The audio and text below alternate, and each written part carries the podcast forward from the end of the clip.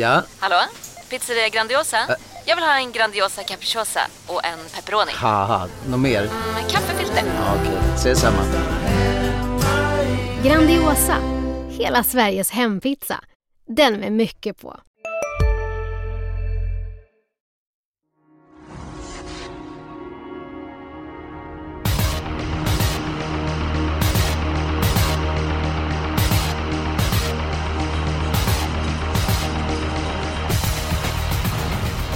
Varmt välkommen till ett nytt avsnitt av Expressens podd Systemet och eh, ni som lyssnar på oss vet att jag ska presentera en nyhet och eh, nyheten kom faktiskt ut redan i tisdags.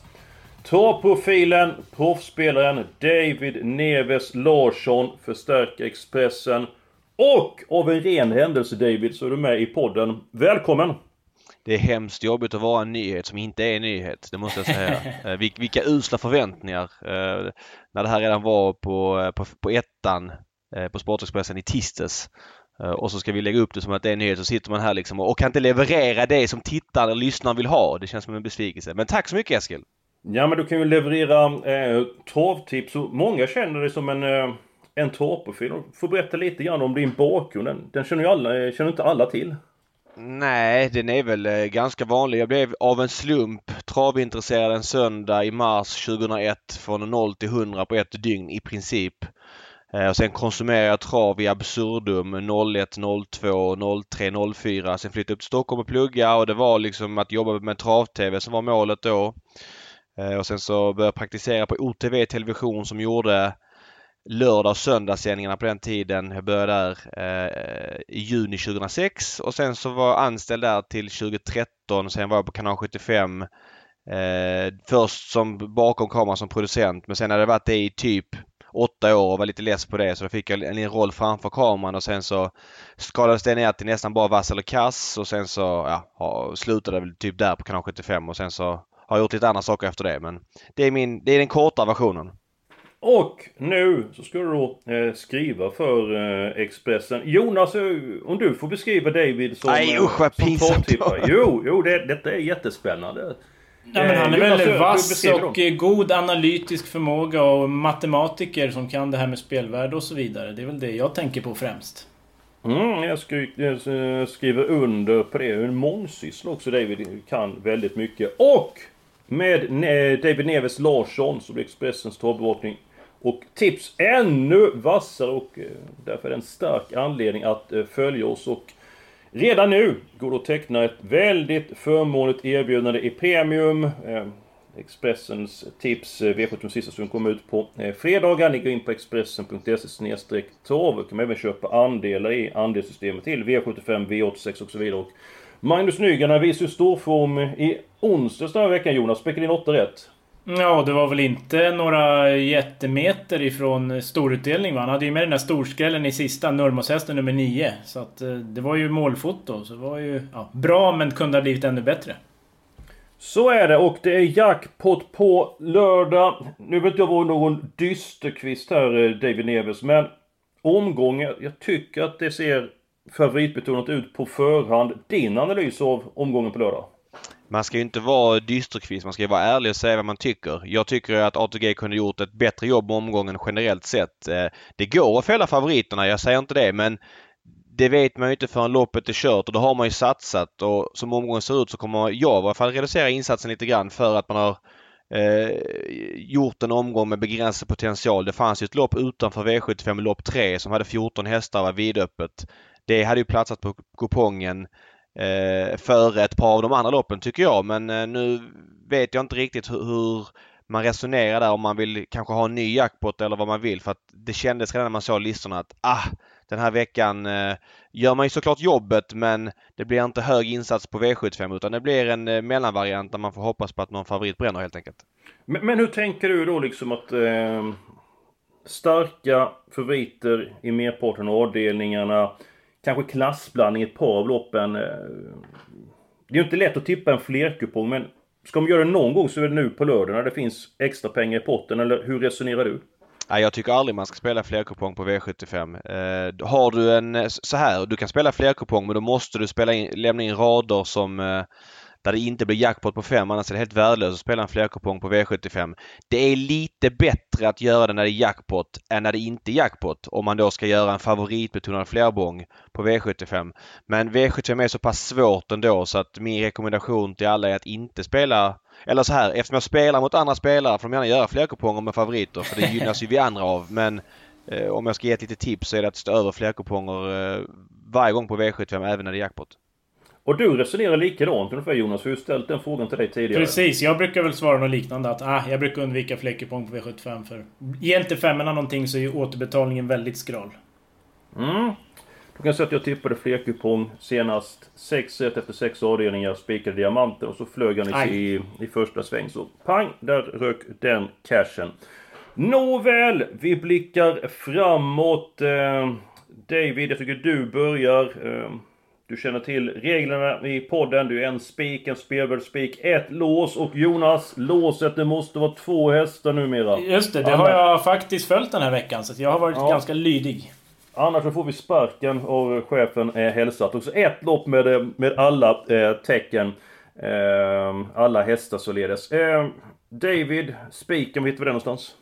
Ja, alltså när du säger en spik och sen en spelvärd spik. Jag, jag, vill inte missförstå frågan men eh, alla spikar måste väl vara spelvärda. Det... Ja, det är, vi kan säga att vi har en trolig och en rolig. Eh, sen så har vi ju tänkt lite grann på de reglerna att ibland har vi kört två stycken väldigt hårt betrodda hästar men en spelvärd spik, vad var det Rebecka Falk sa ju för länge sedan? Den ska vara under 10% eller var det under 15% Jonas? Ja, ja, jag kan väl säga alltså... Tycker man att den borde vara favorit och inte är favorit så finns det ju ett värde i den så att... Ja, det, man får göra lite som man tycker själv. Vi kan säga så här, är det då en, en häst som är... Som vi bedömer att vinstchansen är 50% och den spelar på 30% så är den ju, är den ju spelvärd i allra högsta grad. Ja, då är det en bombspik skulle jag säga. Så att... Eh, det är ungefär så som vi resonerar och... Eh, Ofta har vi bra vägledning till tipparna och ibland så prickar vi in alla rätt men sen så ska vi komma överens så det har inte alltid, inte alltid varit så lätt genom åren Jonas. Nej, det har varit en del krokiga vägar men ja, idag kanske det smäller till ordentligt då. Det blir en spikväg, eh, spikrak väg den här veckan. Det känner på mig hela kroppen. David börjar med spiken. Ja, alltså då vill jag eh, reservera mig lite grann för att när vi spelar in det här så eh, det är ju de 48 timmarna, viktigaste timmarna kvar i V75-pluggandet så jag, jag, kan komma fram till andra slutsatser i texten som släpps eh, då på, på, Expressen fredag klockan 6. Med det sagt. Eh, och som omgången ser ut med ett par stora favoriter. Som vi sa, det, favoriterna är stora. Jag kan se dem falla. Däremot kan jag inte se det gå kant i de här loppen riktigt. Så det är väl det som jag tycker att omgången saknar mest. Men eh, vad menar du med gå kant alltså? Ja men jag är så här. Jag, jag, jag ser faktiskt kraftiga minus på två eller till, till och med alla de här stora favoriterna. Jag, jag, kan se alla bränna.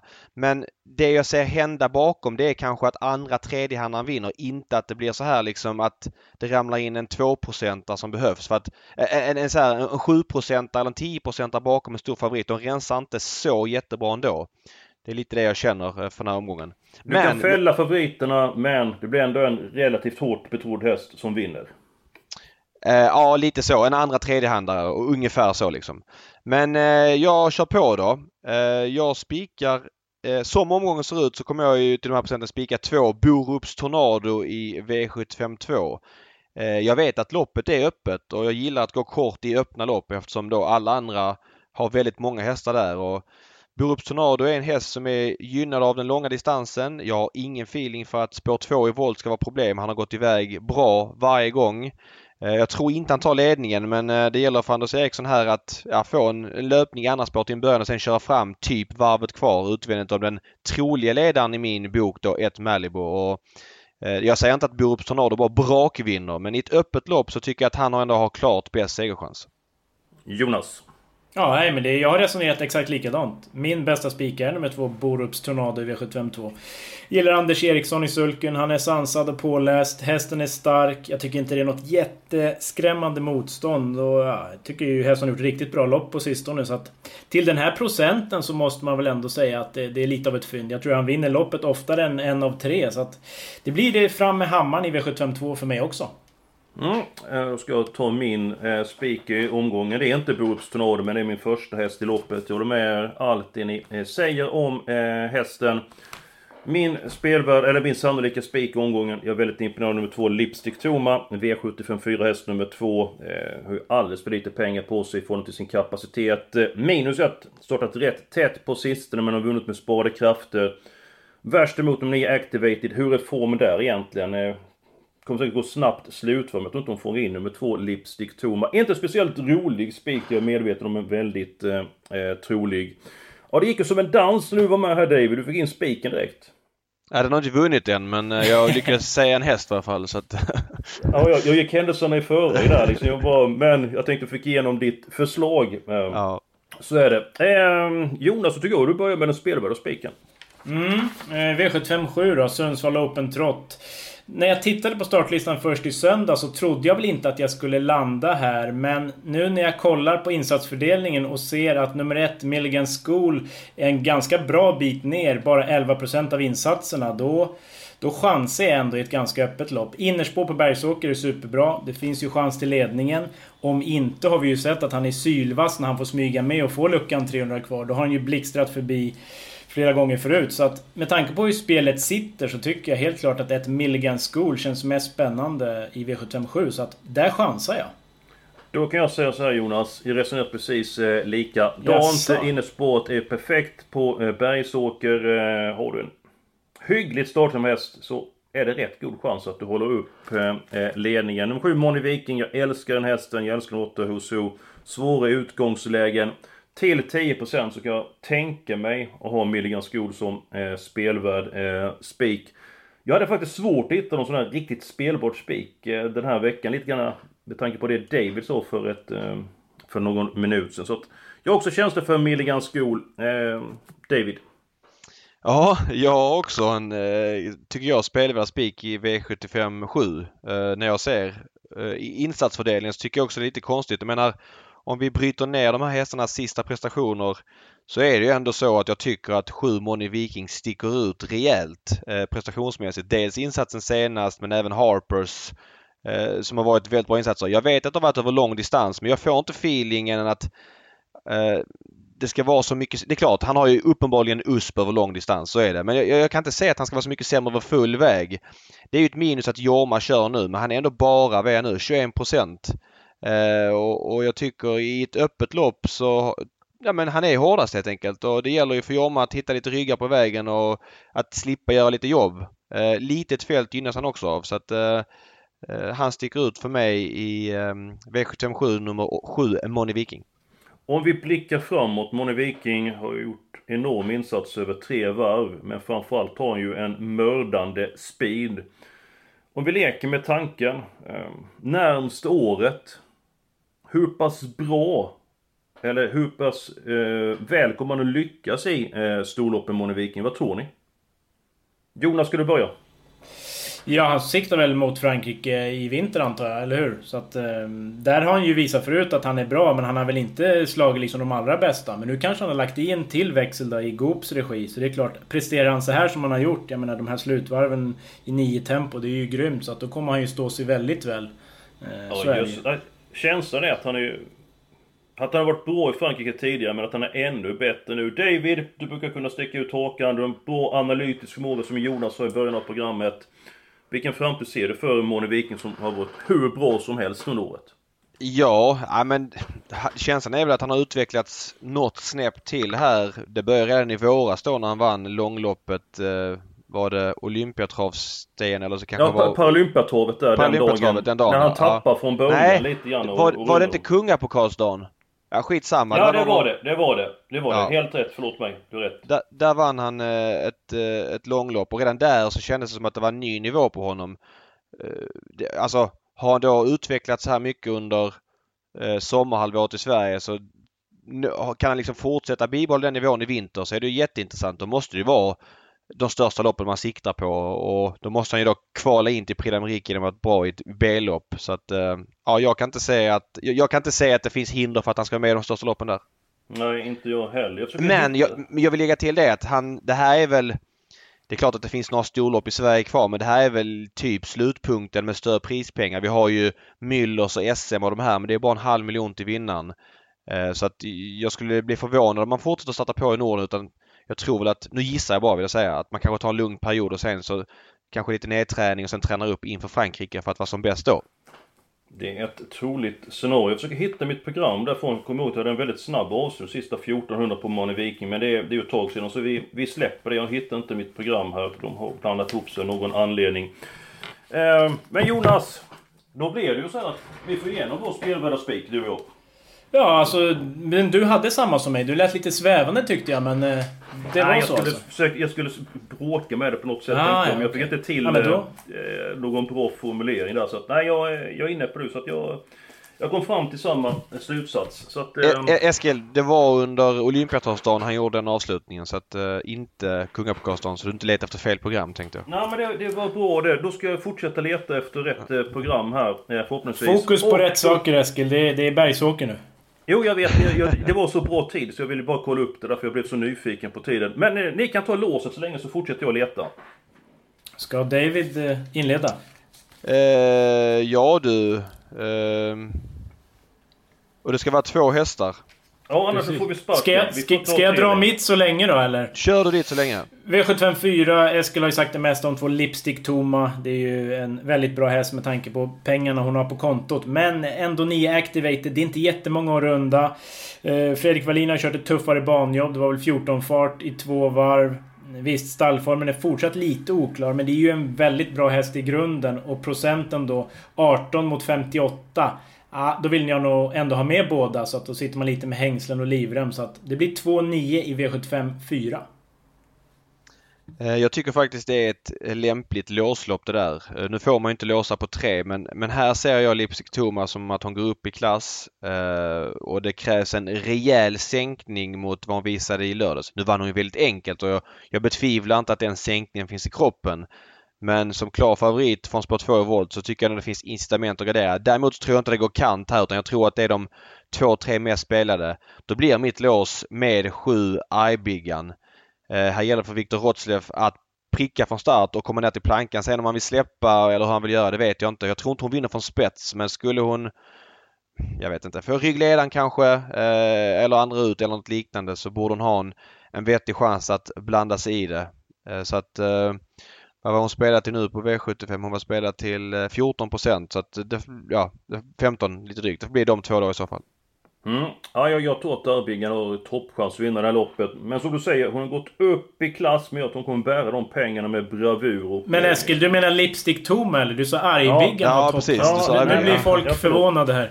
Ja, men jag, jag läste programmet Olympiatravet samtidigt. Ja, du ser. Fokus som sagt. Yes, ursäkta mig. Eh, avdelning 4, nummer 2, Lipstick Toma, har ju rådat upp vinsterna. Aldrig galopperat från start, vunnit med gott om sparade kraft och även för något upp i klassen så hon kommer bära de här pengarna. Jag tror hon tidigt sitter i ledningen och blir svårslagen. Men jag får kapitulera med låset där så att det blir ju 2 och 9 som blir låset. Och då är vi ju en bit på väg. Jag kan väl bara Men ta vad då? David eh, vill ju ha Nej men det är okej. Argbiggan. Det är okej. Det är okej. Kör 2-9. Jag har inga problem med det. Men. Jonas, vi får inte ha tre hästar i låset. Nej, fast ja, det, vi har ju fuskat någon gång förut. Men, men eh, kör på. Vi får ju se vad kostnad och så vidare landar på i slutet. Vi måste ju respektera vad chefen säger. Ja, ibland i alla fall.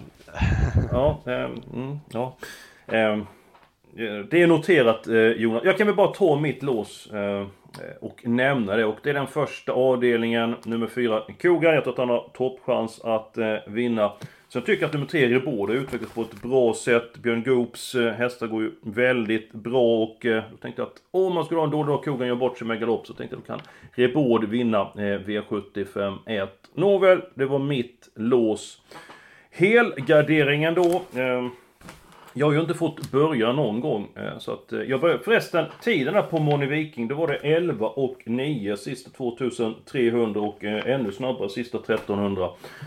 Eh, hade en bra tid inne på honom i loppet. Men vi släpper det nu. Eh, V75 5. Här blir ju nummer 5 Jack Potoma Gigantisk eh, favorit. Eh, jösses vilken insats som svar för när han vann i Örebro. Galopperade från början. Tappade massor. Gick ett snabbt varv inne i loppet. Övertog ledningen 600 kvar. Blev utmanad direkt och fick han nya krafter och bara stack undan och därefter har blivit ytterligare vinster. Felfri är han förmodligen helt överlägsen. Men han är lite grann osäker från början och om man gör bort sig med galopp Då finns det ju Eh, många hästar som är knappt spelare. Vi leker att femman har en dålig dag, gör bort sig med galopp. Då kanske skrällen kommer i det här eh, loppet. Manutz Hanover Vinner kanske inte sådär jätteofta men gav sig väldigt... Eh, eller gav sig med liten marginal mot eh, Selected News eh, senast. Eh, kanske det blir barfota runt om, det kanske blir amerikansk vagn. Kenneth Högström ska bestämma sig efter uppvärmningen vilken vagn han kör med. Så att, den hästen vill jag nämna. Så att jag vill alla hästar i avdelning 5. Nu har jag pratat väldigt länge. Din syn på femte avdelningen David? Eh, jag håller faktiskt med om... Tackar det här med att ta alla i avdelning 5. Eh, jag tycker att Jackpot Toma är en ganska dålig 62-procentare. Eh, hästen är bra. Eh, Sveriges i särklass ledande travtränare Daniel Redén tränar och hästarna går ju väldigt bra för dagen. Men jag menar, det är ju ställt utom allt tvivel att hästen har en öm punkt från start.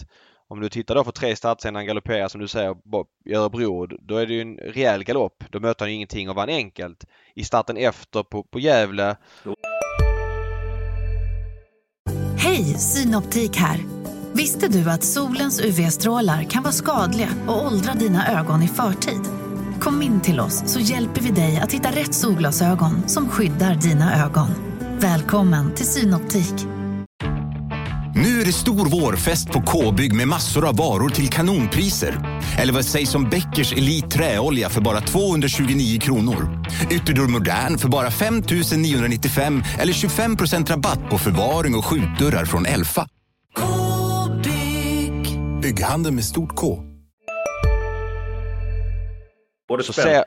Ja, han är otroligt nära galopp där och, och, man ser hur han kör med huvudet där. Så att jag gissar att Örjan är lite brydd Eh, hur han ska lösa det här från, från start och det blir ju ingen snabbstart utan han kommer ta det lugnt och skulle då till exempel tre Manus Johanover komma till ledningen efter ett tag, där är det ändå aviserat barfota runt om och jänkarvagn.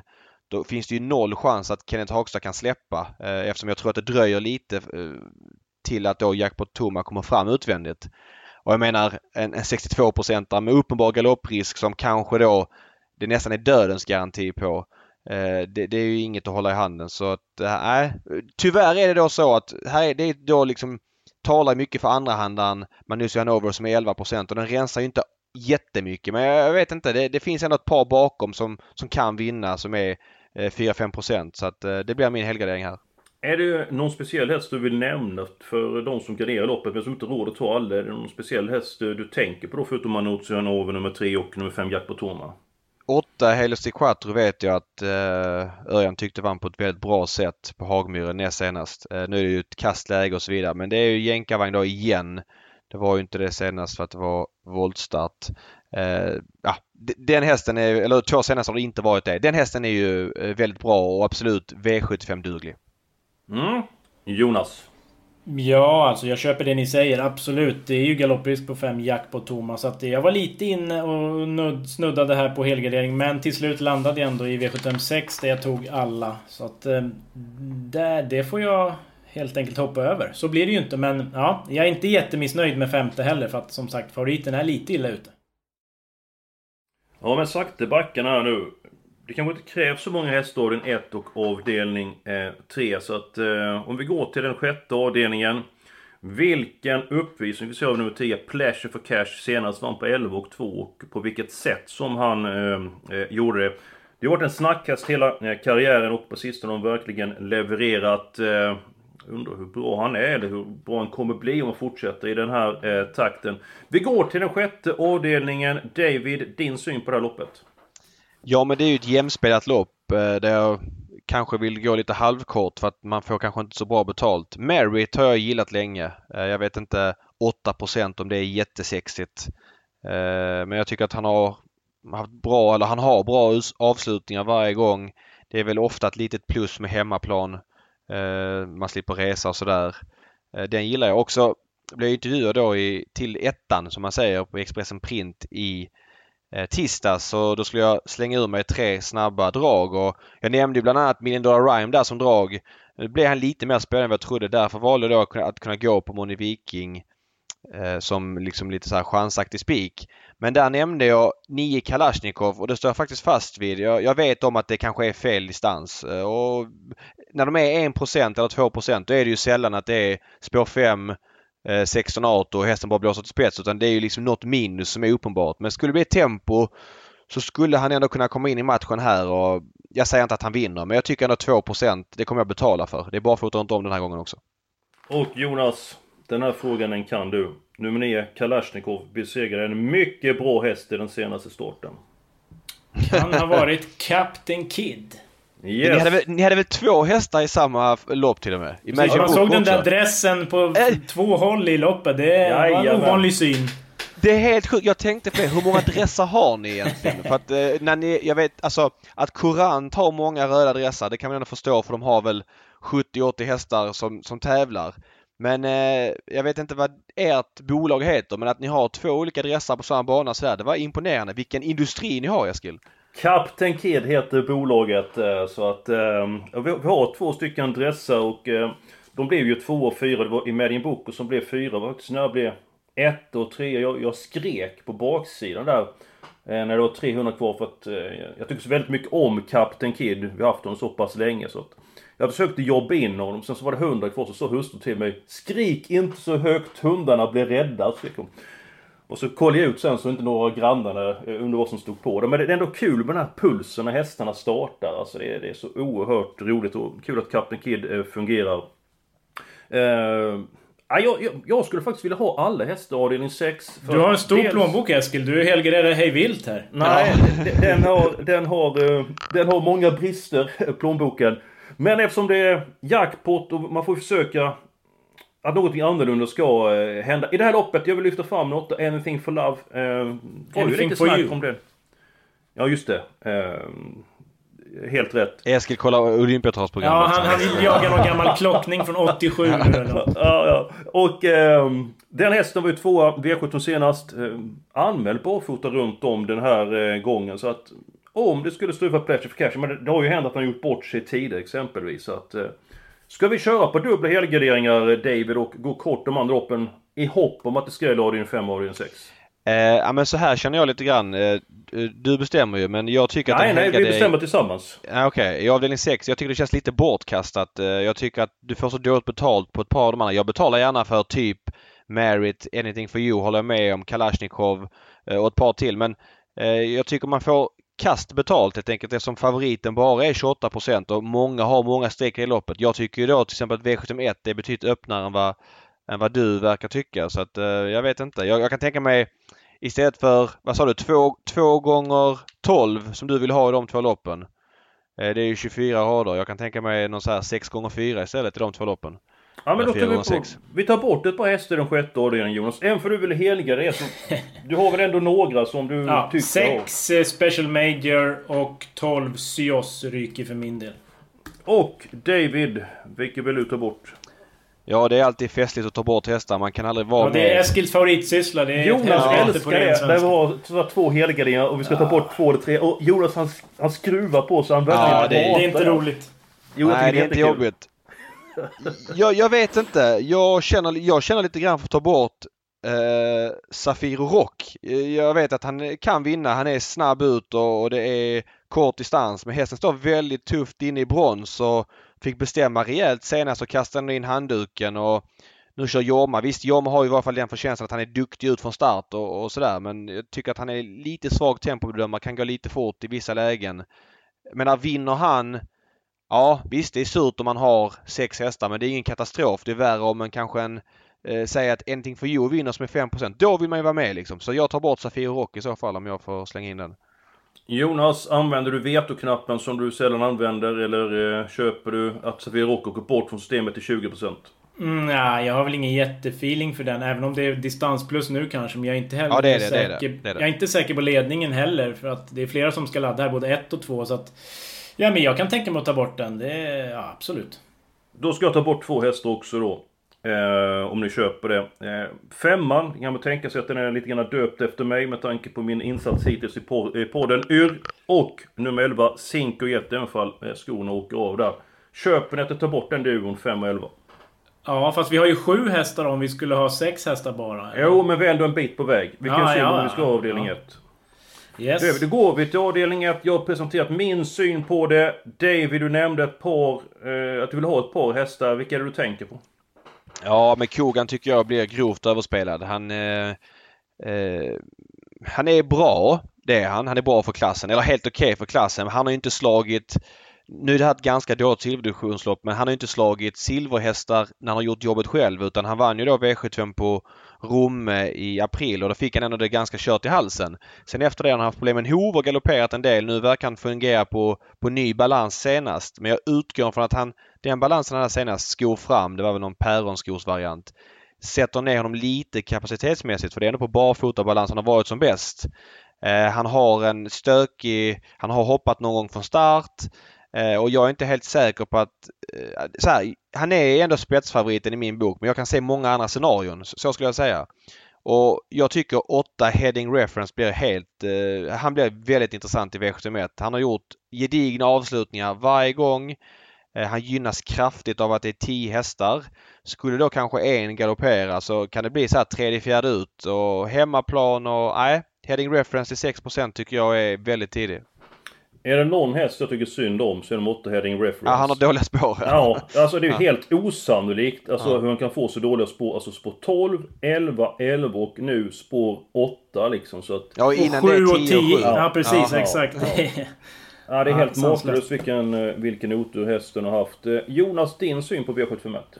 Ja, men Kogan såklart, men... Eh, ska ju räknas, men man vill väl ändå se lite mer. Eh, att han presterar jämnt flera gånger i rad. Så att, nej, gardering är ju given. Tre Ribaud eh, har ju höjt sig. Extremt barfotagynnad. Det ska bli så igen. Eh, 8 heading reference köper jag. Den går ju bra varje gång. Lite tur så, så skulle den kunna sitta där. Jag vet inte, ett Raja Rib har ju fortsatt knallform. Eh, bra smygläge. Kanske i nästa streck. Jag vet inte. Vill ni betala för en sån? Ja, gardera väl loppet tycker jag den ska åka med i, i sådana fall. Ja, jag, jag, tycker det också och jag skulle faktiskt vilja nämna Dr. Doxysens som jag... Jag skulle fråga om den hästen precis. Alltså, det han visade i vinter så bra det var. Nu störde jag lite grann. 3% är det. Fortsätt David. Nej men han körs ju av väldigt optimistiska Mattias Andersson som jag tycker kör direkt dåligt ibland. Eh, eller han kör inte för att hästen ska komma så bra placerad som möjligt utan han kör för att han vill visa upp sig. Det är min känsla. Eh, men det är ju kul med trav. Hade alla kört som Örjan så hade det blivit dödtrist. Så att jag, jag uppmuntrar offensiva kuskar. Men det gör att hästen ibland eh, ja, får tufft att vinna i den här konkurrensen. Men tänk dig att han får typ fjärde utvändet och blir framdragen av säg heading reference jag menar 350 kvar, vad ska han stå i om han får den löpningen mot sådana här hästar? Eh, han är ändå rätt så härdad i silver. Är bra i grund och botten. Visst, han kanske inte har samma knallform som i vintras vad det verkar men, men 2% är ju väldigt lågt så jag betalar gärna för honom faktiskt. Jag har en annan fråga här med eh, kapabla hästar. Då har vi dels nummer 7 Dr. Doxysens och nummer 10 Safir Kronos hästar som har väldigt hög kapacitet. Som du säger David, nu är inte formen lika bra som när de var i toppform. Men var går gränsen? Liksom, när ska man släppa dem? Hur länge ska man betala för dem? För att om vi leker med att de helt plötsligt får tillbaka sin form så är det ju fynd att ha dem till 1 respektive 3%. Hur ska man resonera som spelare där med kapabla hästar vars form är lite svårbedömd?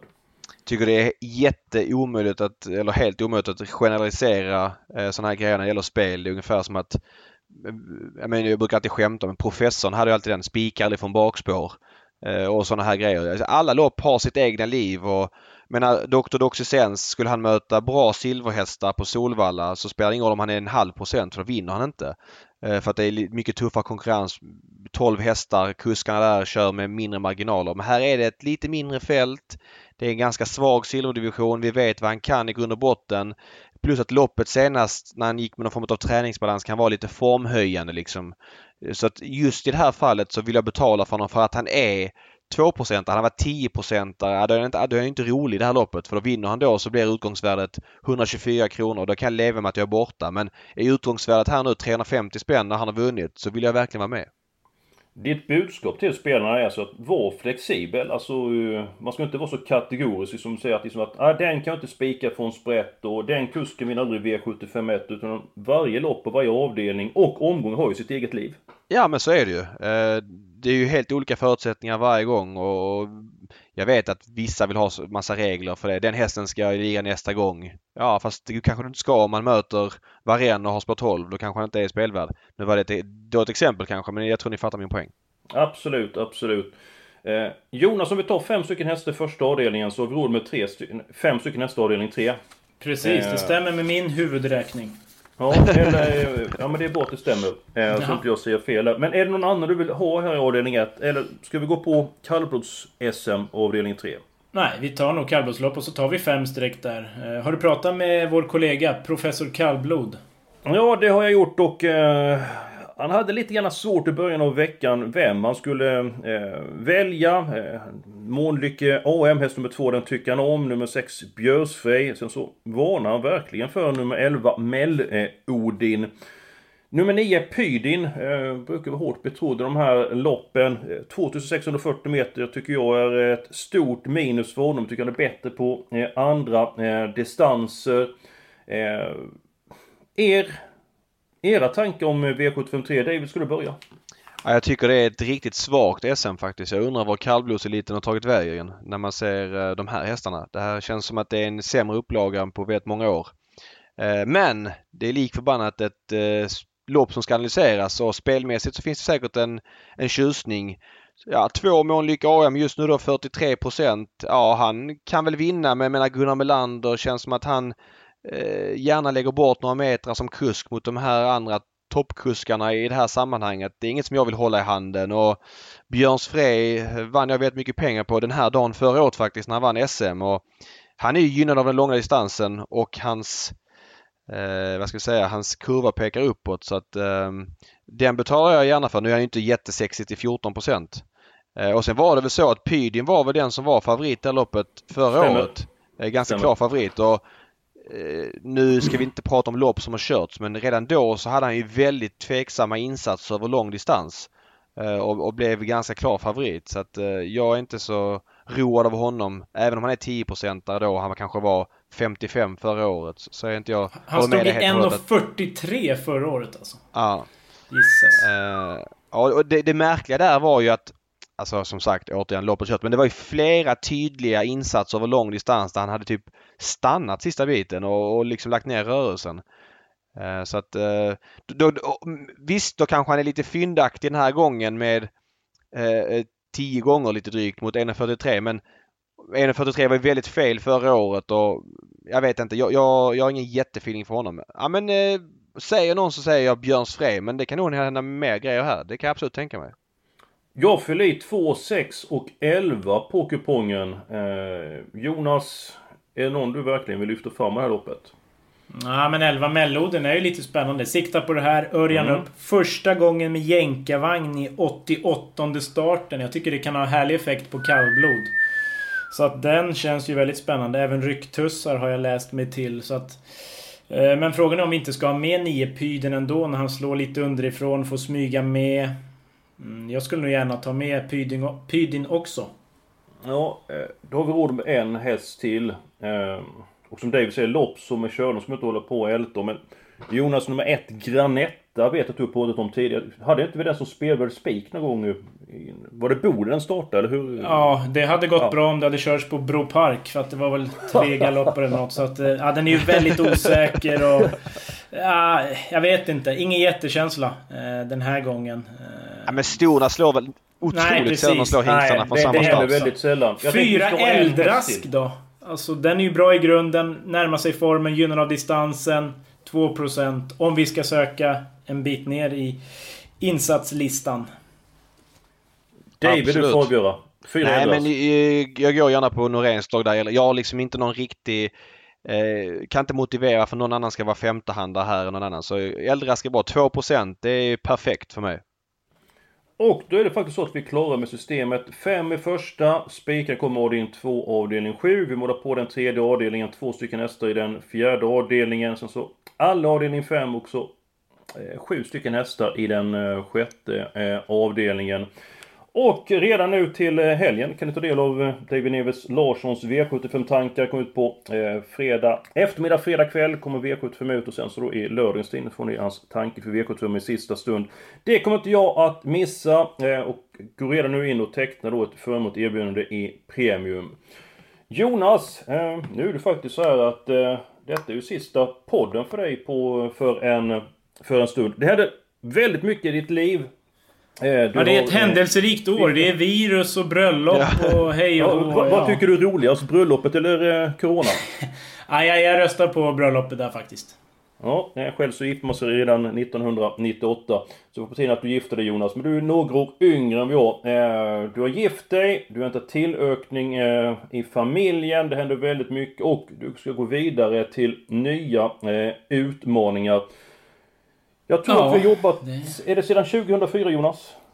2004 sökte jag sommarjobb på OTV då som skötte eh, leveransen av Expressens spelsidor. Och sen dess så har jag ju funnits med där så det känns ju jäkligt märkligt nu att och vandra vidare mot nya utmaningar. Men ja, det kan vara nyttigt att se något nytt också. Det är ju inget som säger att man inte kan komma tillbaks i en framtid kanske. Det, det vet man ju aldrig. Men, men nu är det dags att vandra vidare och det ja, känns konstigt men, men ändå spännande med något nytt.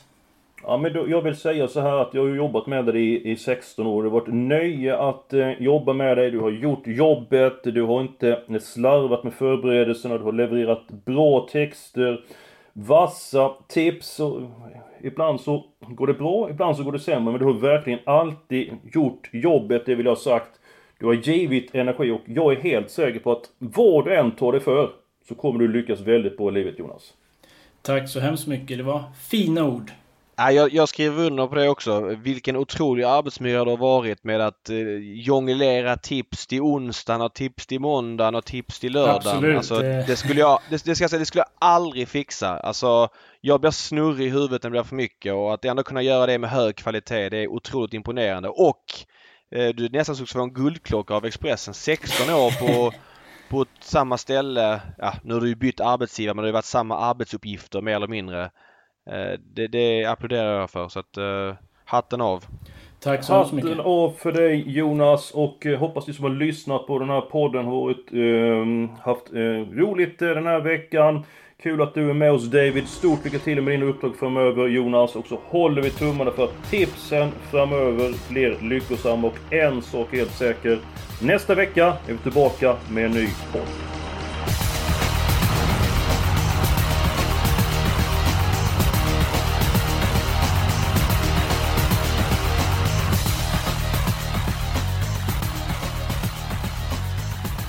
Du har lyssnat på en podcast från Expressen.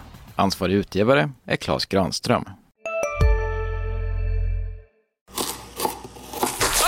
Dåliga vibrationer är att skära av sig tummen i köket. Ja! Bra vibrationer är att du har en tumme till och kan scrolla vidare. Alla abonnemang för 20 kronor i månaden i fyra månader. Vimla! Mobiloperatören med bra vibrationer.